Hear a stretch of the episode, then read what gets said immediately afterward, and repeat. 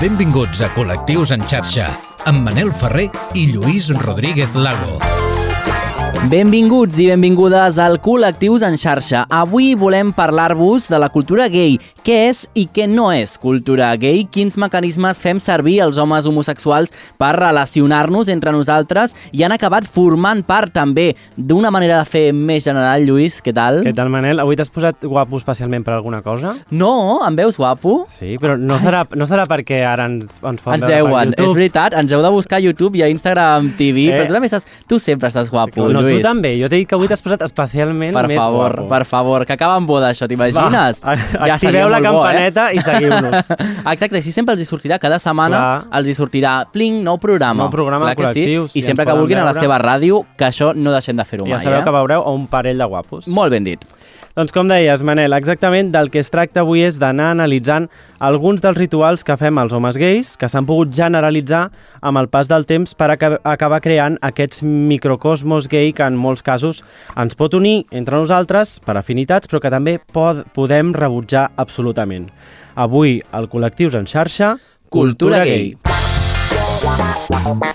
Estàs escoltant Col·lectius en xarxa. amb Manel Ferrer i Lluís Rodríguez Lago.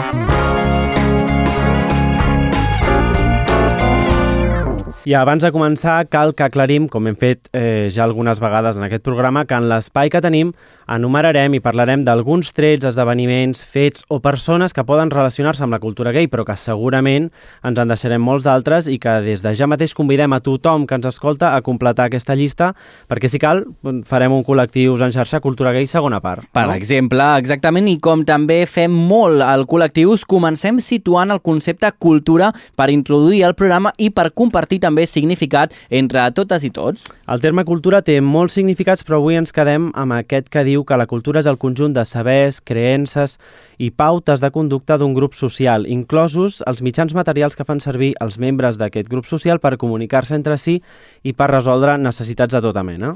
En el programa d'avui hem preferit dedicar-nos exclusivament a parlar de la cultura dels homes gais perquè quan eh, preparàvem el programa de seguida ens vam adonar que tot i que, evidentment, podem parlar d'una cultura LGBTIQ i més, quan volem filar més prim podem descobrir subcultures que es cauen més a cadascuna de les lletres d'aquest col·lectiu i, per què no, com dèiem, podem fer noves entregues encara Exacte. més eh, especialitzades. Més específiques. Com hem dit a l'inici, els fets culturals ens poden unir a altres persones, però no necessàriament són intrínsecs de cada persona i, evidentment, ser gay no t'ha de vincular amb tots o fins i tot no té per què vincular-te amb cap d'aquests fets o esdeveniments que enumerarem en el programa d'avui. En aquest punt recordem el, el programa que vam fer aquesta segona temporada sobre les etiquetes i com des del col·lectiu pensem que s'han de fer servir a favor de les persones i que encotillar o voler definir fil per randa a vegades ens acaba fent presoners i potser eh, és totalment contraprodu contraproduent. I a més, eh, no seràs més o menys eh, bon gay si eh, quan eh, fa servir aquest terme perquè coincideixes amb el que explicarem. Avui, aclarit això, tirem endavant amb aquest Cultura Gay. Perquè els pols oposats també s'atreuen, escolta Col·lectius en xarxa. I per on començar a parlar del què és la cultura gay, no? Jo vaig fer l'altre dia un experiment i és, era un experiment eh, de risc, Ah, però sí? perquè era escriure a Twitter, al cercador de Twitter, el hashtag gayculture o cultura gay, i he recopilat algunes de les piulades que vaig trobar perquè les comentem. Doncs està molt bé, Lluís, perquè a vegades eh, buscant a Twitter, que és com sortir al carrer i cridar una cosa o fer una pregunta a Això l'aire, trobes moltes, Toca- molts exemples que t'ajuden a exemplificar el que vols A trobar. veure si ens fan reflexionar. A veure. Comencem per aquest que diu Eh, diu, 1. Intentar conocer gente y sentir que te rechazan por tu físico. 2. Odiarte y machacarte hasta tener un glow up, que glow up és transformació física pels que vam néixer al 80 i pico. Uh -huh. Pasar a ser el que, eh, pasar a ser el que rechaza a los demás por su físico. Val? Mm. És a dir, que és justament això, no? Uh, Odiar-te per al teu físic i quan tens el físic que tu creus que és l'ideal, Exacte. matxacar, els que els estaven on altres, estaves tu on abans. estaves tu abans, no? I és que ja en vàrem parlar l'episodi sobre els TCA, però és que desgraciadament la pressió que exercim els homes gais i bisexuals sobre el físic dels altres o sobre el nostre propi cos és molt i molt alta i a les xarxes aquest tema és molt exagerat. A Twitter mateix tenim el concepte, per exemple, tu l'has sentit, el de fer la marrana? Totalment. Em surt al timeline, però... Bastantes ah, vegades, no? Bastantes vegades, sí, sí. Que atenció aquí l'ús del femení, no? de la paraula en femení, que serveix per justificar uh, aquest, eh, aquest, aquesta frase, no? qualsevol fotografia que pugem a les xarxes ensenyant mig cos, mig cos nu. Però és que a més, ara Lluís, que estem en un moment eh, Rigoberta Bandini, de, que perquè ens fa tanto miedo ensenyar nostres tetes, que Eso. diuen eh, senyors supermusculats pengen fotos seves fent servir aquesta frase. Ah. I és en plan, senyor o senyor amb un cos que és gairebé per posar la, a la portada de Men's Health, sí. agafar i posa i diu, uf, eh, encara falta molt per fer, o en plan, com que no li agrada el seu M'he físic. passat al Nadal. Clar, no? i dius, "Eh, eh, ara ens hem, hem de, ens hem de recuperar el Nadal, i jo pensant, recuperar el què del? Nadal? Ja, la felicitat ja. que has perdut, segurament, no? D'altra banda, conceptes i qüestions de, dels que ja hem parlat en altres pro programes, com la hiperse hipersexualització del cos masculí i musculat, i la vinculació d'això a l'èxit i a la sexualitat, no? Mhm. Què en penses tu d'això? Ja m'ho has dit una miqueta, però sobretot d'aquesta vinculació a, a l'èxit amb, Mhm. amb la musculació, en el cas de, dels homes gais, i també una mica d'aquest mm, fer eh, l'ús del femení amb la paraula marrana per, Mhm. per, per posar. Mira, jo crec que um, el, el moment aquest de la gent aquesta que el, el cos el fa servir al final com a, com a reclam, Mhm. hi ha una manera molt intel·ligent de fer-ho servir. És a dir, hi ha persones que tu els veus i dius, home, aquest eh, noi està molt treballat, però després, quan veus el seu contingut, realment ho fa a favor del col·lectiu, perquè després ens donen Ah. missatges que són superguais Mhm. i que penses, segurament potser no l'hagués seguit mai aquest senyor. Però també la inversa, és a dir, aquesta persona que es victimitza totalment El que deies abans, Clar, sí. i, i ho veus i penses, dius, és que no, no et puc entendre, no, No. et puc entendre, no? I Mm. realment jo crec que al final les xarxes s'ha convertit en una competició en una, en una gran part. Però per què creus que fem això també, o que fan el fet de, de fer servir l'ús femení del terme? Per què passa això? Jo aquí penso que hi ha... ah, Després potser en parlem una miqueta més, eh? però penso que hi ha un, un tema de... Bueno, el femení el fem servir a vegades entre nosaltres, Sí, és sí, així. sí. I aquí bueno, és una manera de, de, de posar-hi la broma o l'acudit a la- a l'assumpte. Eh? Mhm. I m'ha agradat molt perquè mm, dius ho fan, però a vegades no participar d'això en certs moments Sí, també és sí, complicat. sí, sí, és sí, sí, complicat, sí, no? sí, Per tant, sí, sí. mm, que, el, no? que el esté libre de pecado que tira No, no, la i realment aquí nosaltres ens equivoquem com els que més eh, Exacte. gairebé tota l'estona, no? I enllacem també aquest tema perquè tenim una altra piulada que parla sobre l'ús del femení genèric Exacte. entre el col·lectiu d'homes gais. Aquesta piulada, per exemple, diu cultura gay también es hablarse en femenino para disfrazar la misoginia y es celebrar o celebrar libertades sin saber quién luchó por ellas. Es cantar el MCA y después mirar feo al de la otra mesa y es esperar que tu próximo novio luzca como tu actor porno favorito, no? És de nou aquesta sexualització, no? I el estimem-nos tal quan som, però després inclús podem excloure el que no és igual que nosaltres Exacte. o el que ens recorda que potser érem nosaltres Com abans. el que ens jo fa crec que ha- l'amirall. Oi que Ah, sí? sí, una mica jo crec que sí. potser ens fa una mica de ràbia el Mm. recordar-nos com érem abans de que complíssim amb aquests eh, cànons, o Cànons. que tothom espera de nosaltres, o que nosaltres mateixos esperem, eh? perquè a vegades la resta de gent tampoc espera res de nosaltres. Res, exacte, totalment d'acord, totalment d'acord, no? Podríem dir que aquesta piulada és molt també cultura Twitter, no? Que és molt una mica odio a vegades. Sí, que, Que- busca el retweet, eh? També Sí, t'haig de dir, sí. però és veritat que és interessant el que diu. El tema és que mm, jo no crec que, que el, el fet de, de, de fer servir el femení sigui, el, sigui per generar o per disfressar certa misogínia del col·lectiu cap a, cap a les dones, perquè penso Mhm. que sempre hem anat de la mà És veritat. amb el feminisme i, i més aviat potser ho relaciono amb l'apropiació de, d'aquest femení amb paraules com el marica o el nenaza, que també ens els Mhm. diem entre nosaltres, que a vegades ho, eh, ho havíem parlat, ho hem Sí, parlat durant sí, els sí. programes, no? que tant temps havien estat eh, dirigits a nosaltres com insults i que ara eh, ens, de, ens eh, dediquem de, de forma reivindicativa no? i amb orgull. No? Mm -hmm. I aquesta transformació del, de les normes del llenguatge i del sistema del llenguatge en si mateix també mm, que, de- que quan vam parlar del, del programa de, de la llengua no? Sí. està mo- molt, molt vinculada al moviment feminista també és una mica, mm, penso jo, o m'agrada pensar que també és una mica nostra, no? Mhm. Tu què I d'aliança, no? També. Jo crec que també del sí. fet de- d'aliar-nos amb, una, amb una causa, no? Mhm. Realment. És a dir, al final, eh, bueno, posam l'exemple aquest de Marranes, no? De, O Mm. aquest de Ullella, o, o, o, o aquesta que, Ullella. que estem fent, no? Mhm. Jo crec que realment e- és, jo crec que és posar-nos al mateix nivell tots, no? Clar. Per igual, no? Exacte. I al final, eh, a mi em sembla bé, és a dir, és el que dèiem abans, també és veritat, depèn del context Clar. on ho vulguis dir, com el vulguis fer servir, no? Mhm. Al final aquestes paraules mari- o per exemple marica o tal i qual, ho podem fer servir, però si ho fem servir nosaltres, no? O si hi ha un codi que ens permet fer-ho entre nosaltres. És a dir, amb un senyor sí. homosexual que no coneixes de res, No pel fas. carrer li dius marica, No, pues no, pues no. no procede, arroba policia, Claro. perquè ningú t'ha donat permís perquè ho facis, no? exactament, sí, sí. Molt bé, doncs més coses, seguim amb una piulada més, aquesta vegada relacionada també amb el sexe i les relacions. Per Mhm. exemple, llegim que gay culture eh, és estar en una relació i tal cual, literal, follar con otras personas porque tienes problemas de confianza y no quieres sentir que estás ah, atado o retenido. Egoísta en este punto, también podrías estar soltero y estar en Grindr, Què en no? penses tu d'això? És això cultura gay també o no? Home, Tenir una jo- relació i buscar, buscar més fora que dintre? És que jo crec que el, em, si tens la relació és perquè tu decideixes tenir la relació, no? Clar, Realment, això- o sigui que al que final... evident. però Mhm. ja no és que enganyis a l'altra persona, sinó que tu mateix també estàs perdent moltíssim temps, no? Uh -huh. O què? És a dir, al final tens una relació amb una persona perquè el moment que tu estableixes una relació és perquè tu vols estar amb aquella persona, no? Mhm. Si no, no estaries amb aquella, amb aquella persona, no? Mhm. No ho sé. L'altre dia, però, parlava d'aquest programa amb un amic meu que és psicòleg i em deia que la majoria de consultes que té de nois gais és perquè busquen ajuda perquè eh, senten que tenen dificultats per vincular-se emocionalment amb les seves parelles. Mhm. Són nois que diuen que funcionen en les relacions esporàdiques i que quan volen establir un vincle més profund amb un altre noi tenen moltes dificultats. Clar, jo no sé, Lluís, si és ben bé una dificultat o que potser resulta molt més fàcil tenir una relació esporàdica que crear Bueno, un bé, vincle amb l'altra clar, persona. això, és a dir, que no és que sigui difícil, és que potser no vols dedicar-li aquest temps, no? Perquè Mhm. potser pel que vols no cal que facis tota aquesta eh, relació, no? Potser amb una cosa més ràpida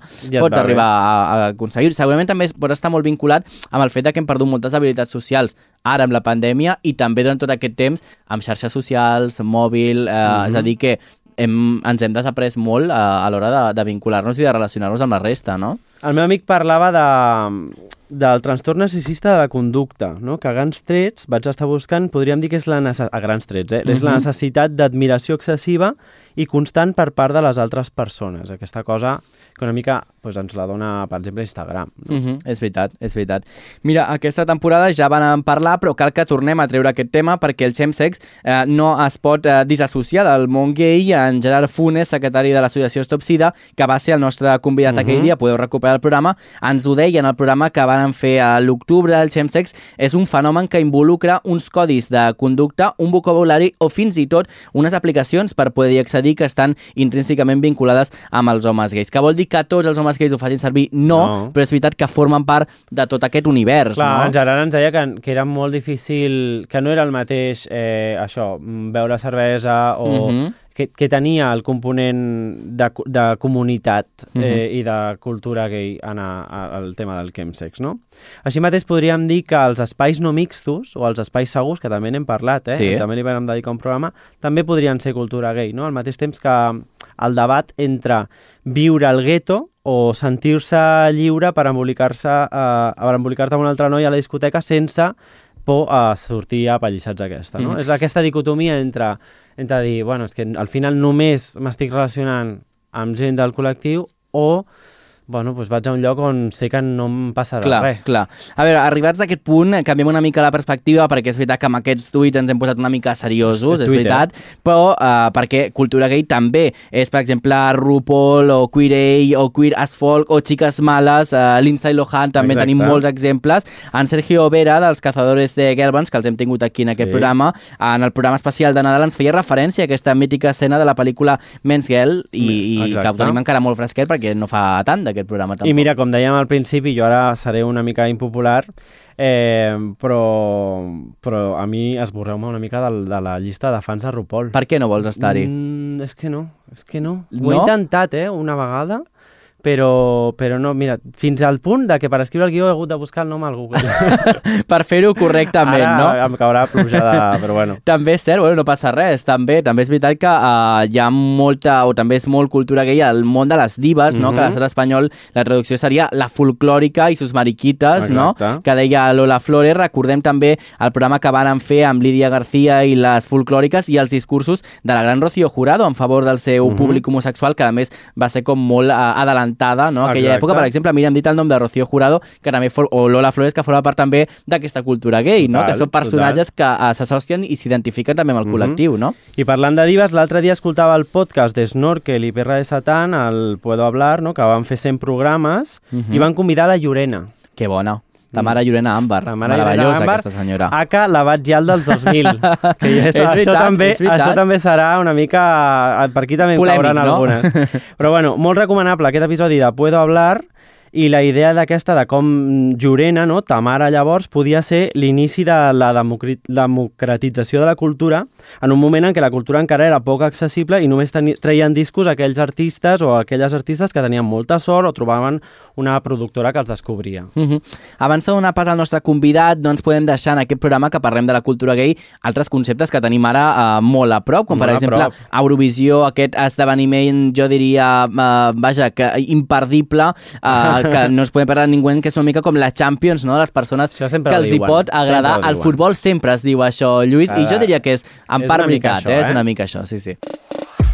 Segueix-nos a les xarxes. Busca'ns i recupera tots els nostres programes, imatges i vídeos exclusius. Col·lectius en xarxa, a Twitter, Instagram i a les principals plataformes de podcasting.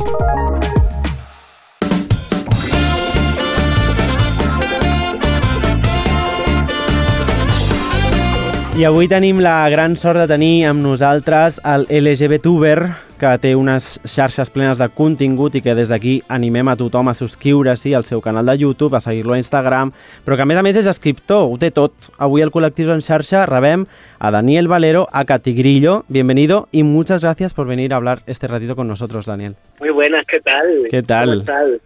A ver, antes de entrar en materia, has escrito un segundo libro, El niño que no fui, que habla de un tema que seguro que seguro es cultura gay o cultura LGTBI, ¿no? Porque en tu libro hablas un poco de esas infancias o esas adolescencias que las personas que somos del colectivo no vivimos o no nos atrevemos a vivir y tenemos que vivir más tarde. Hombre, pues sí, exactamente. Está muy bien hablar de cultura LGTB y referirnos pues a cosas divertidas, que si vivas, que si Eurovisión, que si cosas que adaptamos un poquito nuestras, pero por desgracia, cultura gay también es, por ejemplo, pasar delante de un grupo de chavales adolescentes que están jugando al fútbol y sentir pánico, porque sabes que en tu infancia y en tu adolescencia eso significaba que ibas a recibir insultos, que ibas a recibir violencia de muchos tipos, y sobre esos conceptos de las adolescencias e infancias robadas, de, de bueno, de esas expectativas que nos pusieron para que fuéramos personas que realmente no éramos, de ahí viene el título, El niño que no fui, porque todo el rato pues comparo eh, cómo hubiera sido mi vivencia si yo hubiera sido ese niño que todo el mundo esperaba que fuese, masculino, eh, heterosexual, que intentaba alcanzar esa masculinidad hegemónica, que daba esa imagen de, de estar destinado al liderazgo social, ¿no? Eh, pues hablo de cómo me ha afectado a mí como adulto el hecho de haber pasado por ese tipo de, de infancia y de adolescencia, que yo creo que, que, es una historia bastante compartida en mayor o menor medida por gran parte del colectivo. Yo también lo creo, sí, sí. Realmente eh, hemos hablado y hemos dado muchas pistas en la primera parte del programa, pero para ti, eh, Daniel, ¿qué es eh, la cultura gay? ¿Qué ¿Cómo lo podríamos definir en un diccionario esto? Pues mira, es como un término muy paraguas, ¿no? Muy abierto. Es como, pues mira, pues como estabais diciendo antes, cultura gay puede ser Yurena, que me quedo con eso de que es la babial de los 2000. oy, oy, oy. absolutamente. eh, y después, bueno, pues cosas que producimos dentro de la comunidad para reflejar un sentimiento, una sensación, una reivindicación que tenemos o que adoptamos de, uh -huh. de elementos externos a, a, la comunidad porque igual nos identificamos con ellos. Por ejemplo, ¿por qué Judy Garland fue uh -huh. la primera gran diva gay? Pues porque representaba un modelo de feminidad mezclada con, con una fuerza, con una garra, con una valentía que mucha gente del colectivo pues buscaba y admiraba en ese momento porque significaba mucho para ella, ¿no? Entonces, claro. pues puede ser un concepto pues muy abierto. Uh -huh. Daniel, durante el programa hemos hablado de esto, de, ¿no? De, de, algunas cosas que hemos creído que son cultura gay, pero repasando el contenido que cuelgas en tus redes sociales, hemos visto uh -huh. que hay temas que otras personas quieren o han querido que parezcan, o que parezca que son cultura gay, pero que en realidad no lo son. Por ejemplo, uh -huh. tú, tú tienes una publicación que habla sobre la subrogación y cómo las cifras dicen una cosa, pero el imaginario que se está creando sobre este tema, sobre todo a causa del discurso de algunos partidos políticos, es otro. Explícanos un poco. Sí, completamente. Bueno, pues esto pasa mucho con el colectivo al final, porque el problema es que tengamos un, un, existe un desconocimiento en la sociedad sobre la, la comunidad LGTB, las personas LGTB en sí, y pues depende de qué partido, de qué grupo, utilice ese desconocimiento para colar cualquier cosa. Claro. Y esta, este debate nace mucho de la intención de un partido político concreto que hace varios años intenta colar una de sus medidas, que es la, la, la legalización de la gestación subrogada en España, por unos motivos, pues bueno, pues relacionados más al nivel económico, más a, a la clase social. Y como saben que es una cosa con la que se van a encontrar una, un muro muy fuerte de frente, que es la negativa de la gran mayoría de la sociedad, lo intentan revestir como esto es por los pobres mariquitas que no pueden tener hijos por sí solos y necesitan, hombre, necesitan una forma de formar una familia, entonces qué homofobia no dejar que alquilen el útero de, de una mujer, ¿no? Y esa cosa para intentar revestir un deseo capitalista de una reivindicación LGTB que por otra parte no mucha gente ha pedido. Tú has hablado de cifras y es verdad, la mayoría de asociaciones relacionadas con la gestación subrogada, ellas mismas ponen en sus redes y en sus páginas web que más del 80% de los clientes de gestación subrogada están envueltos en una relación cis heteronormativa, por así decirlo, en un hombre y una mujer heterosexuales, ¿no? Lo acabamos de ver ahora con, con Nick Jonas, que, su mujer y él van a recurrir a, a una madre de gestación subrogada, pues porque no tienen tiempo para procrear, que es una cosa que me fascina, porque entonces cómo van a tener tiempo de criar a ese hijo, ¿no? Pero efectivamente al final esa relación con el colectivo LGTB no es real, es una cosa asociada a capacidad económica y a, y a clase social, no a orientación. Total. Y otro tema que comentas en tus redes, que no las tenemos como súper aprendidas, eh, eh, tiene relación con las personas que dicen ¿no? que los homófobos al final son eh, gays reprimidos o gays que no han aceptado su condición sexual y esto realmente eh, comentas y pones el acento en el daño que puede hacer eh, a la comunidad, ¿no? Sí, completamente, porque además este argumento de hecho lo utiliza mucha gente por desconocimiento, evidentemente, también gente de la comunidad, pero lo utilizan muchas personas que de por sí tienen actitudes homófobas porque así como que se ahorran hacer autocrítica. Claro, ¿no? claro se Esto, este problema, claro, este problema de la homofobia viene de que no se aceptan a sí mismos por lo que sea, como si el hecho de que nosotros no nos aceptásemos a sí mismos fuera culpa nuestra y no de la sociedad heterosexista, eh, pero esto de que no se aceptan a sí mismos y por eso se torturan entre ellos, siempre como el problema lo dejan de forma interna a la comunidad, ¿no? Así se ahorran tener que hacer autocrítica y evitar que, que tengan que enfrentarse a la realidad de que la homofobia está en toda la sociedad, pero mayoritariamente viene de fuera del colectivo, así como Claro. que se quedan más tranquilos. También has comentado en, en un post que tienes sobre bulos contra la comunidad LGTBI en general el tema de las paguitas, ¿no? Que esto me da a mí mucha rabia, ¿no? En- entre otras cosas, no es más que enfrentar a la población entre sí, ¿no? Con el argumento del dinero mediante fake news. Sí, totalmente, y eso es algo que es, mm, bueno, pues más viejo que andar para adelante y lo sufre cualquier colectivo minorizado, ¿no? De hecho, las personas LGTB lo sufrimos, pero no más que las personas racializadas. En la campaña esta de Vox que se hizo tan famosa en Mm. Madrid de un MENA 3.000 euros y tu Sí, abuela sí. 500, que es una absurdez que no tiene Ningún ningún tipo de rigor estadístico ni por cifras ni nada, al final es en un momento de crisis económica donde lo que más duele es el hambre, porque es lo que más duele ahora mismo, la única forma de ganarnos el favor de la gente es asegurarle que su enemigo no somos nosotros, que su enemigo el que le está quitando el pan es otro. Si la gente no conoce a las personas LGTB y nuestras realidades, es fácil colarle la idea de que somos nosotros los que nos estamos llevando su dinero para que al final voten a partidos que les van a quitar más dinero todavía, así en resumen, pero que al menos les prometen que no se lo vamos a quitar nosotros. Entonces, bueno, a mí que alguien me diga dónde dan esas paguitas, porque a mí me vendría muy bien. Yo Claro, ya sí, compartir piso, me quiero comprar una casa y a mí nadie me está dando ninguna paga por ser mariquita. Hombre, realmente, y poniéndose un, un poco más serios, ¿no? Nos tomamos también, y es verdad lo que nos has contado durante esta conversación, que al final, cuando no sabemos muy bien por dónde va a salir la conversación, tiramos el cubo de la basura, ¿no? Encima del colectivo, y como también hay muchísimo desconocimiento, pues ahí queda, ¿no? Hay como, un- como un mar, Un eh, exacto, ¿no? como un pozo, y lo vamos tirando todo ahí dentro, y va quedando, ¿no? Por ejemplo, también, eh, ese tema que es un poco más serio, también hablamos del tema de la, de la pederastia, ¿no? Y como desde siempre se ha querido asociar, ¿no? Que con el hombre gay el hecho de que eh, los pederastas en muchos casos son hombres gays de nuevo que son eh, que están oprimidos y, y que no han aceptado nunca su condición y que recurren a la, a la pederastia y es algo que vamos de- yo creo que desde mi abuela hasta el día de hoy son cosas que se han ido escuchando durante muchísimo tiempo no de la generación de mi abuela hasta el día de hoy. Totalmente, y esto realmente, esto sí que es antiguo, si esto Sí, ya sí. viene de, bueno, si lo teníamos en la ley de peligrosidad social del franquismo, que no es la única excusa que eh, buscaron para poder penar la homosexualidad era relacionarla con la pederastia, porque alguna excusa tenían que buscar para que la gente asociase gay con malo. Si lo asocias a pederasta, si lo asocias a alguien que va a hacer daño a un niño, joder, que hay más digno de odio que una persona que quiere hacer daño a niños pero evidentemente tampoco hay ningún tipo de, de criterio científico, de evidencia científica o ni estadística que diga que hay más pederastas dentro de la comunidad LGTB. De hecho, me leí un estudio precisamente hace poquito que estuve leyendo sobre el tema que aseguraba que el mayor factor para convertirse en víctima de, de abusos sexuales siendo menor era ser una niña, porque la gran mayoría de, de, personas que cometían estos abusos eran hombres heterosexuales. Y sin embargo, ves a, a partidos literalmente diciendo que no debería haber personas LGTB dando clases en, institutos, claro, a ver qué puede pasar. Y sin embargo no, no, veo a nadie pidiendo que los hombres heterosexuales no den clase, cuando realmente son la grandísima mayoría de, de los pederastas. Entonces, bueno, a que alguien me explique dónde está aquí el razonamiento. Esta semana he visto la serie de Bob Pop, la de Maricón Perdido. Oh, yo también, justo esta semana. Sí, sí. visto?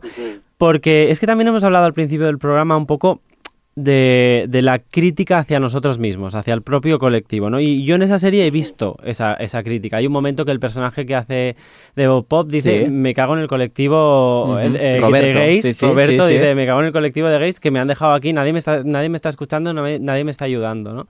Hay un poco de esto eh, también, en, de cultura gay en esto, ¿tú crees? Nosotros al principio del programa hemos hablado de, de, la exigencia del físico, del despreciar al otro por, por no tener ese físico que, que, que nosotros a veces planteamos, no sé.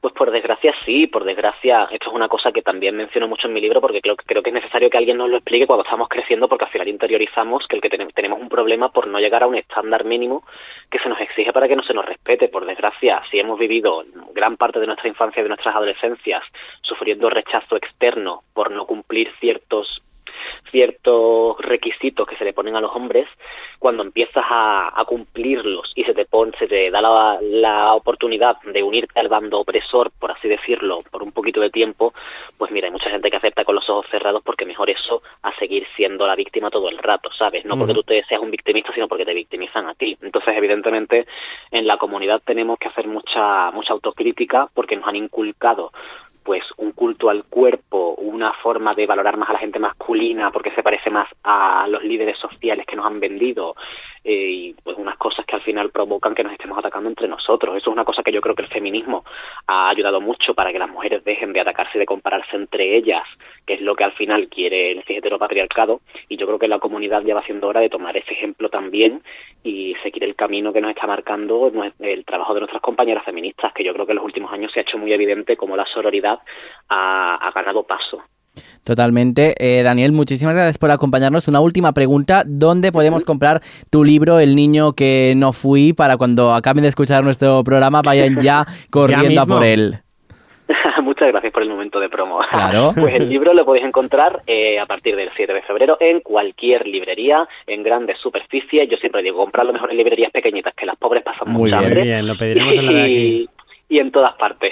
Muy bien, pues Daniel, muchísimas gracias por haber estado con sí, nosotros. Qué bien hablas, Daniel. Exacto, y vuelve cuando quieras, súper invitadísimo. Hasta la próxima, que vaya bien. Muchísimas gracias per la invitació, en serio, un abrazo. Un abrazo. No. Nosaltres Adiós. ho deixem aquí amb aquest Cultura Gay. Sí. Podem arribar a una segona part segurament Segur que i, i tindrem temps part. de, de poder-ho fer, però avui ens acomiadem de tots eh, vosaltres. Uh mhm. -huh. Gràcies per acompanyar-nos també al Carles Soler Piqué i la Lia Costa Rueda amb nosaltres acompanyant-nos a les vies de Soia en tot aquest muntatge en aquesta coedició a Lluís Rodríguez Lago i jo mateix Manel Ferrer.